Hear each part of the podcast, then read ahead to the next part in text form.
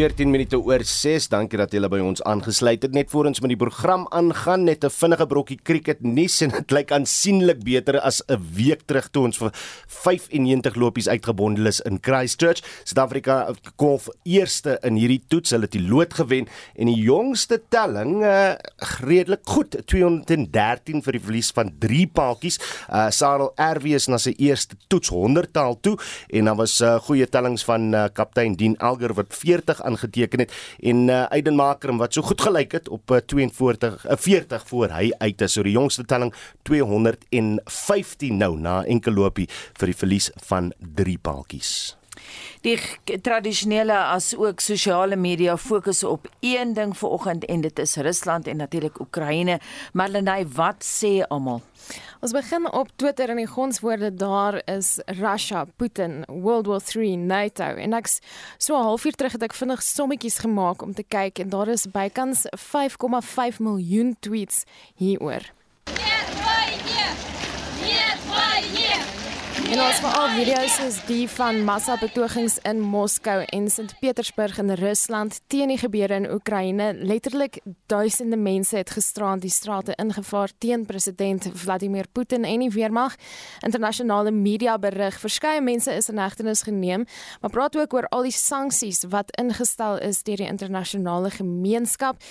Gonswoorde wat meer met Suid-Afrika se rol hier verband hou, is die minister van internasionale betrekkinge en samewerking en Naledi Pandor, asook BRICS. Nou dis die ekonomiese groepering vir Rusland, China, Indië en Brasilië waarvan Suid-Afrika ook deel vorm. Op die koerantblaaie die volgende opskrifte in die verband: Sirenes, missiele, chaos op paaie en Russian attack Royal Commodity Prices. Ons volg hier storie deurlopend op die program. So bly ingeskakel daarvoor. Die weeklikse koerant Mail and Guardian plaas intussen die klem op die begrotingsrede vroeër die week met die hoofopskrif Whose job is it to create jobs. En dan nuus van 'n ander aard soos Uda nou genoem het, 'n bietjie cricket nuus, die hitsmerk New Zealand versus South Africa is ook een van die gonswoorde daar op Twitter. Die Colver Sarel RW het gisteraan sy eerste 100tal vir Suid-Afrika aangeteken. Dis nou in die toetsreeks teen Nieu-Seeland en lof vir die cricketspelers stroom behoorlik in. Holdeblyke stroom ook steeds in vir die ontslape klesrymer Ricky Rick.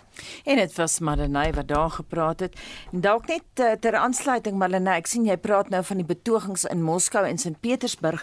Die BBC berig vanoggend daar's betogings in 40 Russiese stede. En dit is ongelooflik om daarna te kyk en dit is letterlik duisende ja. mense wat soos een man in pleine saamkom en sê ons wil nie hier hê nie. Absoluut. Ons hou dit dop en dan later praat ons oor die ekonomiese effekte daarvan met Dawie Rood en na 7 met Abel uh, Esterhuise.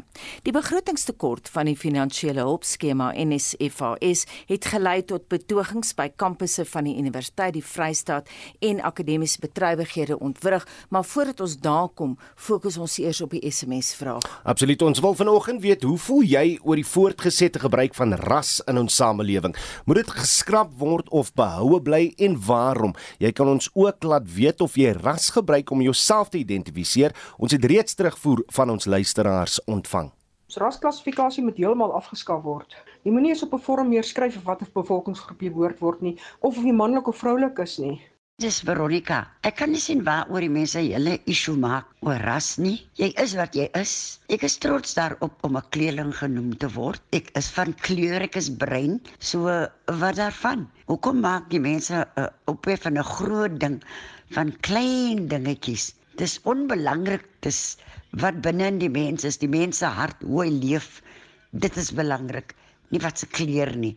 Ek is Kobus en sien op deel van Namakoland. Ek krap deur net skryf SA burger, want ek is 'n Suid-Afrikaanse burger. Rasse?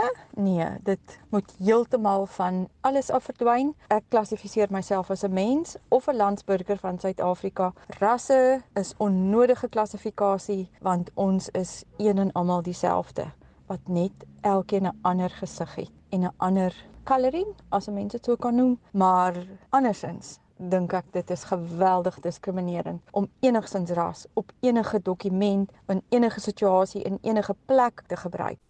Ons staan later vanoggend op met 'n drukgroep wat heeltemal ontslaaw wil raak van rasseklassifikasies. Ja, so jy kan gerus vir ons SMS hieroor stuur. Jy kan saamgesels op Facebook en ook op WhatsApp. Onthou net dat enige rassistiese kommentaar heeltemal geïgnoreer gaan word. Ons gaan dit afhaal van Facebook af en ons gaan ook nie enige stemnotas daar speel nie. Asseblief hou maar vir ons by die kwessie. En nou terug na die studente oproer. Die begrotingstekort van die finansiële hulpskema NSFAS het gelei tot betogings by kampusse aan die Universiteit van die Vrystaat en akademiese bedrywighede is daar ontwrig. Die Kwakwa kampus is intussen gesluit. Die rektor en fisiekanselier professor Francis Petersen het meer besonderhede. Nusfas het 'n tekort van 10.1 miljard rand vir die 2022 akademiese jaar gehad en daardie besluit van die kabinet om wel die uh, 10.1 miljard rand goed te keer vir befondsing het eers baie laat deurgekom. So dit veroorsaak het is dat ons registrasieperiode moes ons toe met 'n week verleng om die studente kans te gee om volledig te registreer. Ons het omtrent so 55 56% van ons studente is NSFAS studente. Dis 'n groot gros van ons studente. So ons het dit toe verleng van die 14de Februarie tot die 21ste Februarie die sluitingsdatum was toe die 18de Februarie en ons kon toe vir al van ons eerstejaars studente kon ons toe meestal van hulle registreer tot so mate dat ons eintlik al ons teiken wat 8114 was, het ons oorskry. Ons sit nou op die oomblik by 9155. Natuurlik dit het ook 'n impak op die akademiese program. Ons het toe met die fakulteite gesels en uit te vind kan ons daardie akademiese werk wat gedoen moet word wat nou later as normaalweg sou begin 'n week later, kan ons dit nog steeds klaarmaak in die eerste semester en daar was 'n redelike baie sterk ondersteuning uit die akademiese kohort dat dit wel gedoen kan word met 'n bietjie ekstra werk. 'n Impak wat ons op 'n akademiese vlak maar ook op 'n stelselsvlak kon hanteer. Maar eh, daar was baie ontwrigting vanjaar en ek kry die idee jy het gesê dat die situasie verpolitiseer is. Wat het gebeur? Ja, die ontwrigting kom eintlik maar basies uit twee geleedere. Ons het 'n institusionele studenteraad. Ons het drie kampusse, Kwakwa, Bloemfontein en die Suidkampus, en elkeen van daai drie kampusse het 'n kampus studenteraad. En dan kry ons lede uit daardie drie kampusse studenterade om dan die institusionele studenteraad te vorm. Dis die studenteraad wat ons rektoraat die topbestuur mee interaksie het en dit word ook baie sterk bestuur uit 'n interaksie oogpunt deur ons uitvoerende direkteur vir studente aangeleenthede. En hulle natuurlik wil graag die beste as moontlik vir hulle studente kohort beding, maar daar was aanvanklik 'n baie goeie verstaan dat daar is 'n balans tussen wat universiteit kan bekostig en wat jou constituency wat my studente is wel vra. Maar dan is daar 'n tweede gedeelte, daar's 'n hele reeks van studente assosiasies op die kampus, so SASCO en EFF en so aan. En baie van daai studente assosiasies wou graag die leierskap posisies binne die studente raad gekry het. Maar met 'n demokratiese verkiesing het hulle dit nie gekry nie. En nou is daar 'n tipe van wat ek nou die Engelse woord 'n grandstanding van hierdie assosiasies waar hulle sê nee maar vir die studente maar julle studenteraad kan nie dit beding nie. Ons kan vir hulle hierdie en hierdie beding met die bestuur.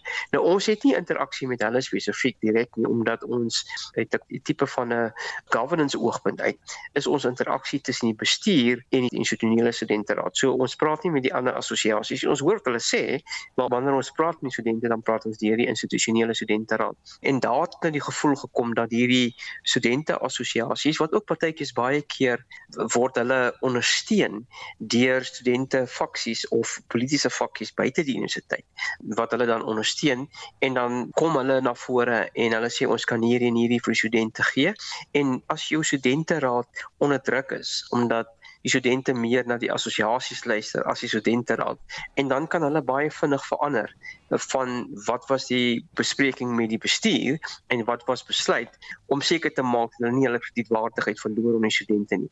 En daai dilemma het uitgespeel dat daar tipe van verwagtinge geskep was onder studente dat die bestuur gaan sekere goed gee of hulle kan sekere goed beding vir die studente kohort wat nie haalbaar is nie. En dit is eintlik maar waar die hele tipe van wrywing tussen die studenteraad en die bestuur begin dit.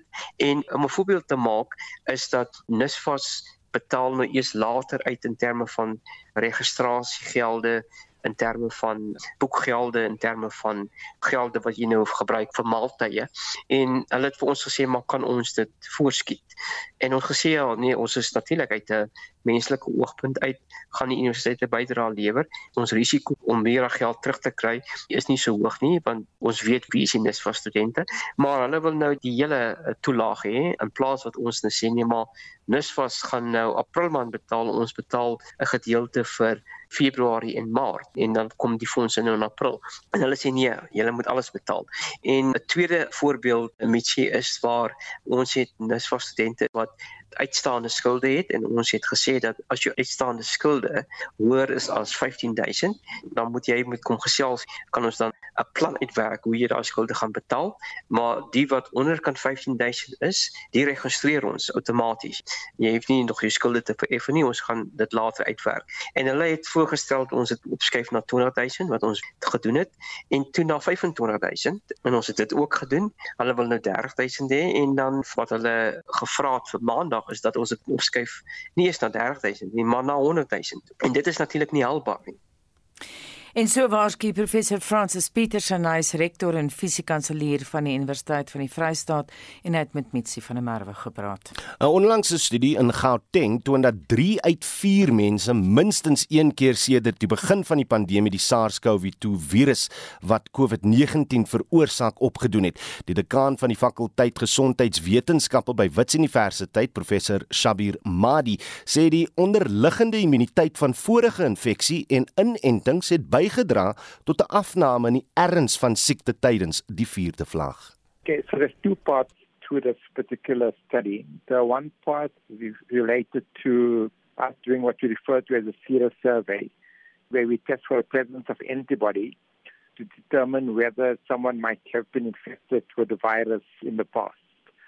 And that sero survey was done at a household level, random households across the entire province in Gauteng and the Sero survey was coincidentally completed uh, just around about the time when the Omicron variant started to arise.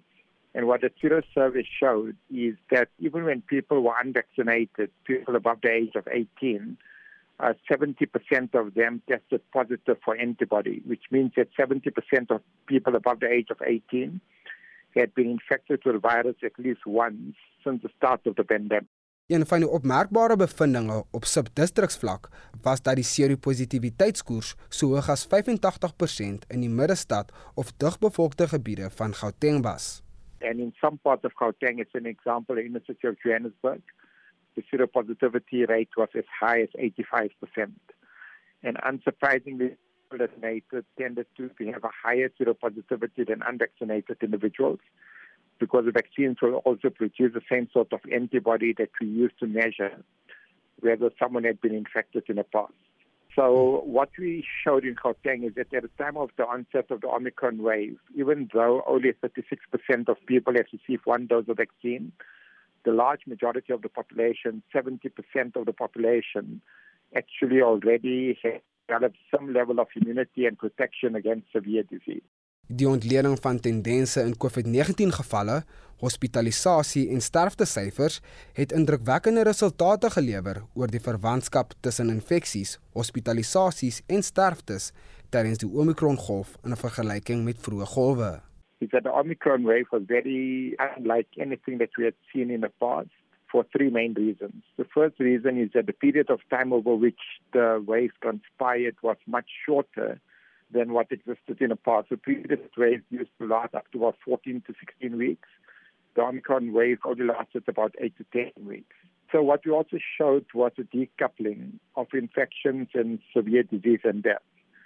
So as an example, when you look at people that have died of COVID-19 since the start of the pandemic, uh, 50% of the people that have died in Gauteng, uh, those people died during the course of the third wave, which was due to the Delta variant. When you look at the Omicron wave, it only contributed to 3% of all of the people that have died of COVID-19 in Gauteng through the pandemic. Volgens professor Madi dui die bevindinge daarop dat Suid-Afrika 'n keerpunt in die COVID-19 pandemie bereik het. So uh, after Omicron, that 70% that I referred to before of people that had immunity against severe disease and death or have reasonable immunity against severe disease and death after the Omicron wave, that figure is now probably at about 85% because Omicron wave was much more pervasive when it comes to the number of people that were infected than earlier variants. So I suspect that right now in Gauteng, up to 85% of people have been infected with the virus at least once. And obviously, we're still continuing to roll out COVID-19 vaccines, not as well as we should be performing. But the two things hand in hand result in us not being able to prevent the resurgence. But if there is a resurgence and when there is a resurgence, it's unlikely that we're going to experience any more hospitalizations or people dying compared with what we experienced with Omicron. Die bevindinge het beduidende implikasies vir Afrika 'n vaste land waar enstof en hulpbronne om die uitrol daarvan te ondersteun beperk is en hospitalisasie vir COVID-19 groot druk op infrastruktuur en hulpbronne van openbare gesondheidsinstellings plaas. Now, the implications is that even though only about 12% of people on the African continent have received at least a single dose of COVID vaccine, that doesn't mean the other 90% of the population are completely susceptible to developing severe disease because the vast majority of them now would inadvertently have developed immunity because of natural infection. So it tells us that although there's still a role for vaccines to play, and particularly if targeted to the very high risk groups, who still remain at risk of ending up in hospital and dying of COVID-19, even if they've been previously infected, we don't need to continue trying to vaccinate 40 to 70 percent of the population because we have already reached the threshold inadvertently from past infection. And the reason we've ended up past infection contributing to that is because of the inequity of COVID-19 vac- vaccine access. So I'm not by no means saying that it's a good thing to happen to get your immunity because of natural infection. Because in a country such as South Africa, as an example, the 70% of the population that have been infected has come at a cost of loss of about 300,000 lives. Dit was professor Shabir Mari, die dekaan van die fakulteit gesondheidswetenskappe en 'n professor in enstofkunde verbonde aan die Universiteit van die Witwatersrand.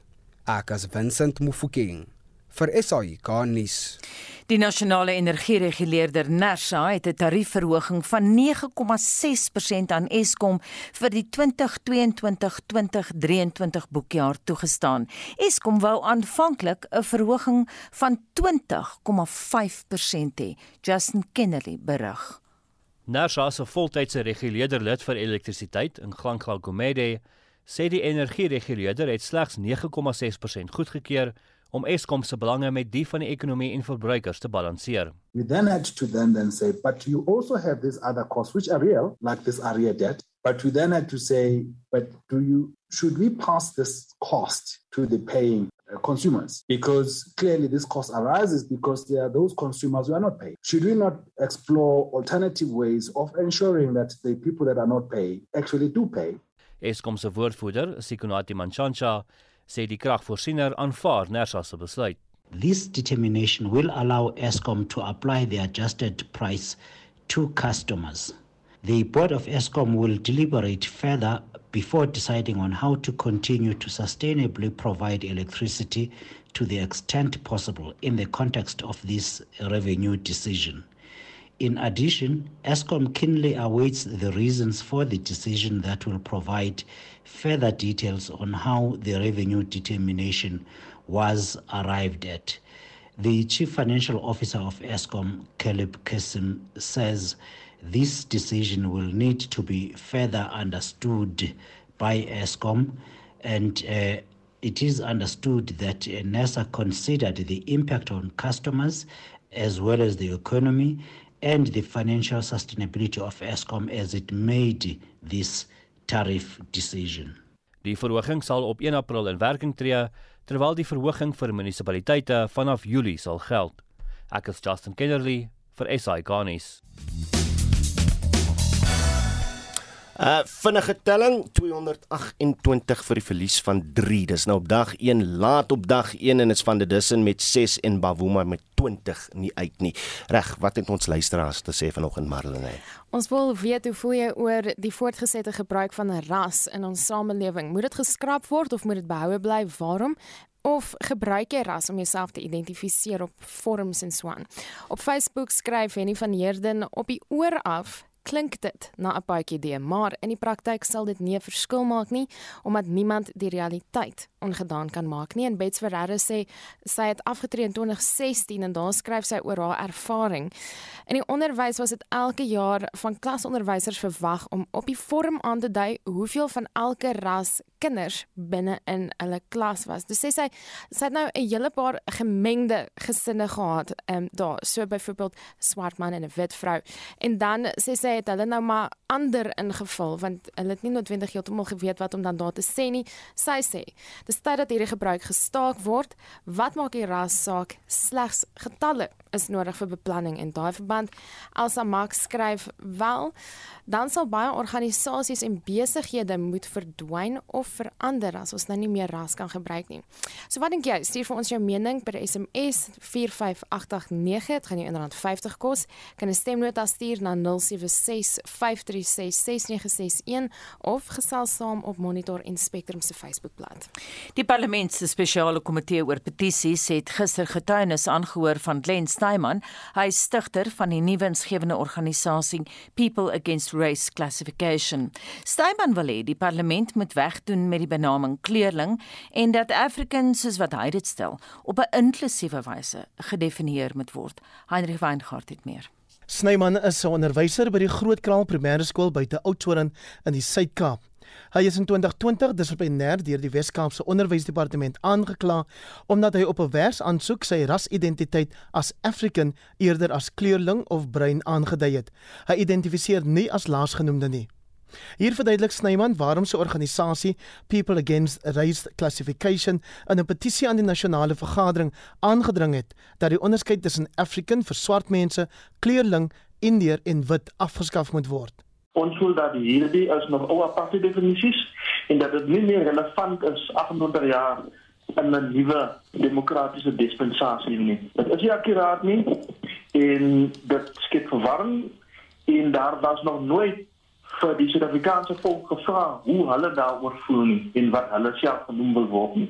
Dit is aan die besonder die benaming kleurling vir bruin mense waarteen Park dit het. Die agtergrond van die bevolkingsregistrasie wet van 1950 die ou rasseklassifiseringswet as dit in 1991 geskraap. So ek kan nie verstaan hoe die regering kon aangaan met die toepassing van die ou rasseklassifiseringswet. So eintlik moet al die blokke geskraap word. Die naam kleurling veral is baie meer halend en dit was gebruik as 'n skelnaam. Dit is 'n uh, naam met baie negatiewe konnotasies aan dit. En 'n sekere groep mense moes nou ongelukkig hierdie naam aanvaar. Dit was op hulle afgeforceer. Daar was nie hulle toe gekom om vra wat wil julle genoem word nie.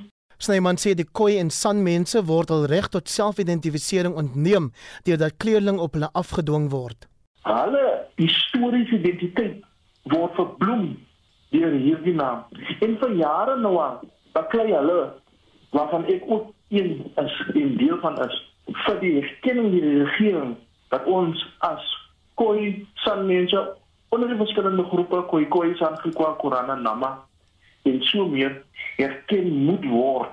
So ons het 'n opname gemaak onder die gemeenskap buite Suid en hier na 12 jaar se veg het ons dan gekom by die punt waar ons nog voel ons moet nou met die wetgewer praat dat ons 'n plan maak oor hierdie blokkies. Dit was die stryder teen rasseklassifikasie Glen Snyman. Hy sê die gekose komitee oor petisies gaan versoek dat 'n nasionale debat oor die kwessie gehou moet word. Ek is Hendrik Weingart vir SAK nuus. Kom ons praat nou oor die kwessie van rasseklassifikasie met Dani van Wyk, die uitvoerende voorsitter van die DAK netwerk vir voorheen agtergestelde Afrikaanssprekendes. Dani, môre welkom by uh, by Monitor. Goeiemôre Oudo. Steun jy hulle Park se petisie? Uh en en waarom of of waarom nie?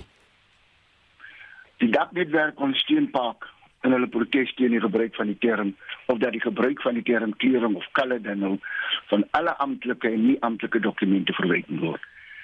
Ons ondersteun hulle in die oproep en die petisie dat hierdie praktyk van rasseklassifikasie is slegs 'n voortsetting van die apartheidsindeling waar mense volgens voorkoms en herkoms geklassifiseer was bedoel en nie tuis hoort in 'n in 'n in 'n demokratiese Suid-Afrika nie. Ehm um, dit was vir al breinmense wat die meeste gelei het en die pyn ervaar het van hierdie vernederende wetgewing die, die bevolkingsregistrasiewet waarna eh uh, Glen ook nou verwys het van 1950 en wat in 1991 afgeskaf het. Dit was seker een van die mees diskriminerende wetgewings waaronder Suid-Afrikaners onderwerp was. Nou ek het vroeg vanoggend al gehoor van een van ons luisteraars Danny was hy uh, praat van uh, ek identifiseer myself as bruin of kleurling ek het nie 'n probleem daarmee nie. Uh, verduidelik net aan 'n luisteraar soos dit hoe identifiseer dak se direksie en ondersteuners en hoekom dit belangrik is. Man ons verwerp die term kleurling. Hmm want dit is 'n vernederende benaming benaming en en en wat ons betref soos Glenn ook gesê het, is dit 'n skelnaam. Dis 'n dis dis niksegend en maak ons minder as mense. Kleerling beteken jy's 'n vondeling wat nêrens inpas of aanpas. Jy kan praat van 'n drenkeling, jy kan praat van 'n tweeling, jy kan praat van 'n verskoteling, maar wat sê kleerling? Ehm um, die die ons verwerp dit want ons voel dat dis 'n term wat wat nie voort gesit mee kan word nie as 'n term wat verwerp moet word en uh, die voortsetting van die term beteken indirek dat hierdie huidige uh, huidige regering voortgaan met 'n diskriminerende praktyk wat op die as moet word. Ons sê selfs dat ons sal die term African dan liefs aanvaar. Want wat ons betref verwys African nie na pigmentasie nie. Dit verwys na almal wat hier in hier op hierdie kontinent gebore is. En as daar dan na bruin mense verwys word as Africans in general en na swart Afrikaners as Africans in particular. Dit op, op sigself sien ons as 'n diskriminerende term omdat almal wat nie swart is nie vir, vir daai rede dan vir alle praktiese redes nie 'n African dis is nou bewys gestroop word van ons identiteit. So ons voel dat bruin mense moet hul gemengdheid vier. Ons ont, ontken dit nie maar om jous dit want dit is ons identiteit en ons sal enige vorm van diskriminasie van die daardie van die oort van die regering nie aanvaar nie, ons sal dit bevestig. Ras word gebruik vir regstelling en wetgewing soos die oor werk en sakegeleenthede, hoe dan gemaak daarsonder? Ons voel die regering met die hele kwessie van swart bemagtiging byvoorbeeld moet hersien. Want net 'n selektiewe groep mense baat daarby. Ehm um, dit is ook 'n vorm van rasseklassifikasie. Ons hoef nie ras te te gebruik om mense weer eens te herin te deel in terme van van van hoe hulle dan op bemagtig op bevoordeel moet word nie. Ehm um, ek neem Brasilië byvoorbeeld as 'n as 'n as 'n voorbeeld. Daar word almal net gepraat van Brasilianers en daai land is seker een van die mees gemengde lande op aarde. Hmm. Dieselfde ook hier in Suid-Afrika, breinmense is die mees gemengde groep in die land. Ons kom van verskeie oorde van hierdie wêreld. En daarom voel ons dat hierdie hele kwessie rondom swart bemagtiging en hoe dit aangewend moet word om dan nou sekere mense in terme van 'n kwota stelsel te te te identifiseer of te klassifiseer, ons voel daai tipe stelsel uh word op die op die ashoop en dit kan nie meer in Suid-Afrika toegepas word. Net laasliks, hoekom na soveel jaar uh, dan dink jy uh, is Suid-Afrika nog steeds op die punt waar ons nog steeds nie as 'n nasie 'n uh, 'n uh, 'n uh, gemeene benadering tot hierdie ding soos ras het in Suid-Afrika nie?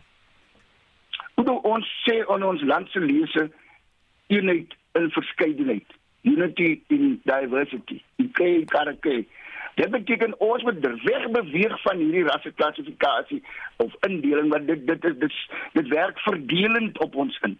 Hoekom vind ons so baie rasse voor voorvalle by ons skole? Is juis as gevolg van die ding dat mense word nog reeds geklassifiseer in terme van afkoms of in terme van hulle kleur en en en en en daarom voel ons kom ons doen weg hiermee. Kom ons sien onsself net as Suid-Afrikaners.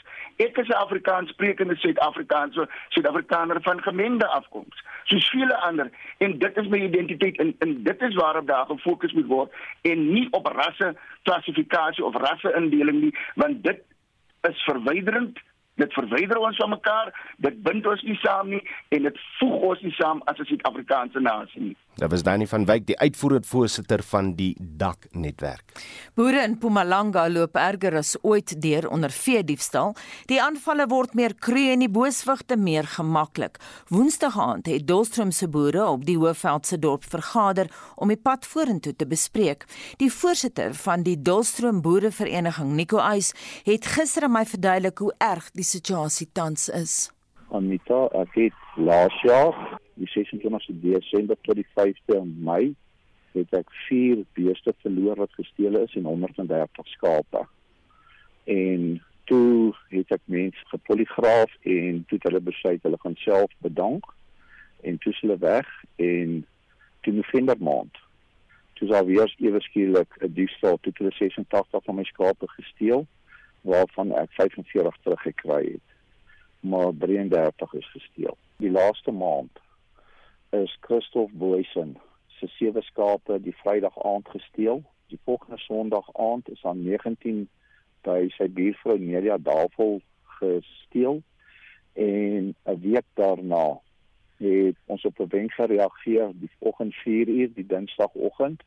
Toe sê hulle ja, daar's mense wat besig is om skape aan te jag. Ons moet asseblief gaan. Toe het Kobus Davel die ouens geaktiveer want hy was naaste aan die femeel en ons het uitgegaan en ons het die skape suksesvol terugherwin. En dan hierdie laaste week het hulle Dinsdag nag vier koeie van broers geslag.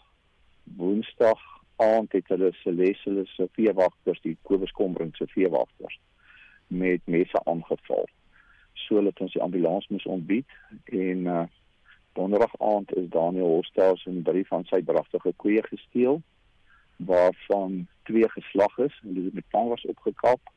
Hulle slag nie eens met die velle af nie, hulle kap dit net in stukke op want dan beskerm dit ook die vleis. Toe het ek vir die boervereniging gevra dat ons 'n noodvergadering hou en laat ons kyk wat kan ons in plek sit. En onder andere het daar 'n voorstel uitgekom van die media, so ons was op pad om dit te doen. Dit is een voorstel. Wat was die voorstel gewees, Nico? Dat ons die media gebruik om hierdie hele situasie te verduidelik en in die media te kry. Ek weet nie of jy dit moet sê nie, maar ons gaan 'n fonds stig wat ons informante betaal om as hulle ons uitwys dat ons hulle kan beloon. Dis al hoe ons hulle geswaai gaan kry. Die Bruce van wie Nico Uys in die insetsel praat is Bruce Murray, wie se familie al sedert die 40er jare in die Belfast distrik op die plaas Elgin met melkbeeste boer. Murray het gister 'n ewe donker prentjie geskets. December month, I had a very, very bad month regarding theft. I lost seven milking cows. A day or two later, I lost another one. Sy lyk het ons gekry in the Milliefield. We found that. The previous, the seven were just gone. They're missing in action, and I don't know where they took them out. Hulle raak nou so slim, hulle knip drade, then they even fix the fences after, behind them. So that was seven, then I lost one, and then I lost eight. So that was 20, 50, 16, 16, I lost 16 just in December. And then last week, I had another four of my heifers that were pinched, four pregnant heifers. So within two months, I've lost 25 head of cattle. En wat kos dit jou? En nie dit is baie geld. Ons praat baie geld. Dis tussen 12 en 15000 rand per kop. En ons bly by die storie en praat nou met Celeste Kombrink wat saam met haar pa en broer in die distrik boer. Sy het gisteroggend 'n groot vergadering van die boere op Belfast bygewoon en ons praat nou met haar oor wat daar besluit is. Goeiemôre Celeste. Goeiemôre Anita. Jy het nou geluister na wat Nico en Bruce wat ons albei goed ken alles te sê gehad het en wat besluit is op Dolstroom. Maar eerstens, hoeveel boere was toe gister op Belfast? Hoeveel het daar saamgetrek? Anita, daar was so 35 boere van redelike wye omgewing van Middelburg, Stoffberg, Dolstroom, Waterval boven Machadodorp, ehm um, Belfast, Wonderfontein. So dit was 'n wye area se boere wat bymekaar gekom het. Celeste, ons het nou gehoor dat Nico vertel dat een van die Dolstroom boere se planne is om 'n fonds te stig om informante te betaal. Is 'n soortgelyke besluit gister op Belfast geneem? Dit is nie ons het nie dit was nie op die besprekingslys gewees nie. Daar was baie ander goed wat eerder bespreek was. ehm um, fonds vir informante was nie bespreek nie. Vertel 'n bietjie vir ons eh, wat is alles bespreek Celeste? Ehm um, daar was redelik groot polisie manne en dit was lekker om al die groot koppe daar te sien. Daar was 3, 4 brigadieure, kolonel. Daar was verseker um, bespreek dat daar beter kommunikasie en samewerking moet wees tussen die polisie, die boere en die alle nodige partye soos Wispel, visuele visuele polisie, um, forensies. Al die ouens wat ons nodig het om crime scenes van beeste wat gesteel is of geslag is te kan beter verwerk sodat die die skelms actually gevang kan word en dat hulle nie net vryloop nie. Dalk dit is vir ons 'n groot probleem. Dit kom in die howe en daar word dit word net uitgegooi want die nodige werk is nie gedoen nie. So al daai goed is bespreek sodat daar beter kommunikasie en samewerking kan wees tussen die partye. Celeste, ek het al 'n vorige storie oor gedoen trouens ek was so op Belfast om met van die boere daar te praat en daar is meermale aan my gesê dat van die polisie, ons sê nie al die polisie nie, van die polisie werk saam met die sindikate. Anita, ons kan dit nie bewys nie, maar ons vermoed dit is so. Ehm um, informasie lek te maklik uit. Daar is goeder wat te vinnig uit uitgelek word as ons operasie beplan. Maar ja, ons ons moet maar 'n manier vind om saam met hulle te werk en ook teen hulle te werk dat hulle dit nie uitwerk nie. Ons het baie goeie informante in die areas. So die boere moet net hulle informante gebruik om dit te doen. Celeste, gaan julle 'n opvolgvergadering hou? Ons het 'n vergadering oor 'n week ag oor 'n maand sal ons weer 'n vergadering hê. Ons hoop ons kry dan van die staatsaanklaers en van die veiligheids uh, veilingskrale en die slagpale om saam met ons te kom sit want dit is verseker een van ons groot probleemareas. Ek weet nou omdat ek van die distrik kom dat van die mense wat naby Wonderfontein geboer het, van daai boere is weg Pretoria toe. Hoeveel boere is al van hulle plase afgedwing weens die aanhoudende veediefstal? Anita, ek dink baie meer is waarvan ons bes, wat ons besef en dit is ongelukkig nie net vir die stad wat moeilik geraak het nie, dis ook ons pad baie se kondisies, ehm um, insetkoste, maar sifie die stad is verseker een van die grootste probleme op die oomblik in ons area en daar's baie boere, daar's 'n paar boere in die omgewing wat al verkoop, al hulle vee verkoop het as gevolg van vee die stad. Baie dankie en so sê Celeste Kombrink wat saam met haar pa en broer boer in die Belfast omgewing. Tyd vir iets van 'n heel ander aard. En Nysna in die Weskaap het 'n nuwe kunsprojek by Judas Square bekend gestel in die hoop om meer toeriste na die gebied te lok. Judas Square is die tuiste van die grootste Rastafari gemeenskap in Suider-Afrika. Township toere word tans aangebied uh, aan diegene wat meer wil weet oor hul godsdiens en lewenswyse. Tanya Krause doen verslag. To Judas Square. Wie beter om plaaslike inwoners en toeriste by Judas Square te verwelkom as die Rastafari koning en geestelike leier Haile Selassie. Die 2,2 meter standbeeld is deel van 'n reeks interaktiewe openbare kunswerke regdeur Nysna en word ondersteun deur die plaaslike toerismekantoor en die kunsgemeenskap. Die beeldhouer Eugene Lewis sê hulle wil Judas Square as 'n meer gewilde toeriste aantreklikheid bemark. This is one of my proudest moments because it's the biggest piece that I've done, and I've done it for the community, Rastafari community, and that is my excitement just to do something positive and to leave a legacy for our community. And I know that's going to attract a lot of tourists for the future, so yeah, I'm over the moon. Helena Gerber van die Nysna Kunsvereniging sê die projek bemagtig die Judas Square gemeenskap. En dit is een van die baie projekte wat die Nysna Art Society saam met Visit Nysna in die munisipaliteit gedoen het Eugene wat die artist is bly ook hier en hy het die beeld gemaak met die hulp van ander skulptors wat in die area is. En vandag word hy geaanwyl. Nou hopelik is dit vir hulle die begin van groot dinge. Waar die township tours uitkom en die ouens kan dit sien en hulle kan selfies neem wat nou weer gehashtag word kom asseblief nice na toe en goedjies verkoop wat die community maak. 'n Judas Square gemeenskapsleier, Brother Maxie Melville, sê hulle was eens vervolg vir hulle geloof en gebruik van dagga, maar hierdie projek is nou 'n stap in die regte rigting toerisme is die nuwe goudmyne, as ons dit so kan sê. Met COVID het dit so bietjie tot op 'n halt gekom, maar ons hoop ons sien dinge is bietjie meer relax en ons hoop en prys soos die burgemeester ook gesê het dat dit maak dit deur oop vir meer toerisme en so in spesifiek vir ons sê ons plaaslike toeriste. Ander kunswerke wat deel is van die Nysna interaktiewe kunsprojek kan ook by Brenton on Sea, Buffalo Bay en Sedgefield besigtig word. Ek is Tanya Krause op Nysna. Jongste telling dag 1 laat op dag 1 Suid-Afrika 233 vir die verlies van 3 paaltjies goed op dreef vir Stemba Bavuma hy 22 en Rassie van is in 7 nie uit nie. Marlenae. Ons wil weet hoe voel jy oor die voortgesette gebruik van ras in ons samelewing? Moet ons dit skrap? Moet dit behoue bly? Identifiseer jy met jou ras? Op Facebook skryf Henny van Heerden op die ooraf klink dit na 'n puitjie idee, maar in die praktyk sal dit nie 'n verskil maak nie omdat niemand die realiteit ongedaan kan maak nie. Ons het vroeër daai gelees, maar hier is ook van ons luisteraars se menings. Ek dink persoonlik om die rasseterm te skraap in terme van besigheid en so is goed want dit maak nie saak wat se kleur of of wat se ras of kultuur of wat ook al jy het nie Maar as jy die werk kan doen, dit gaan maak dat niemand kry voorkeur nie, net gebaseer op hopelik jou vaardighede of jou kredietrekord of wat ook al dit mag wees. En dit is die enigste goed wat moet tel in hierdie opsigte. Ek glo ook jou ras is belangrik want dit maak jou wie jy is.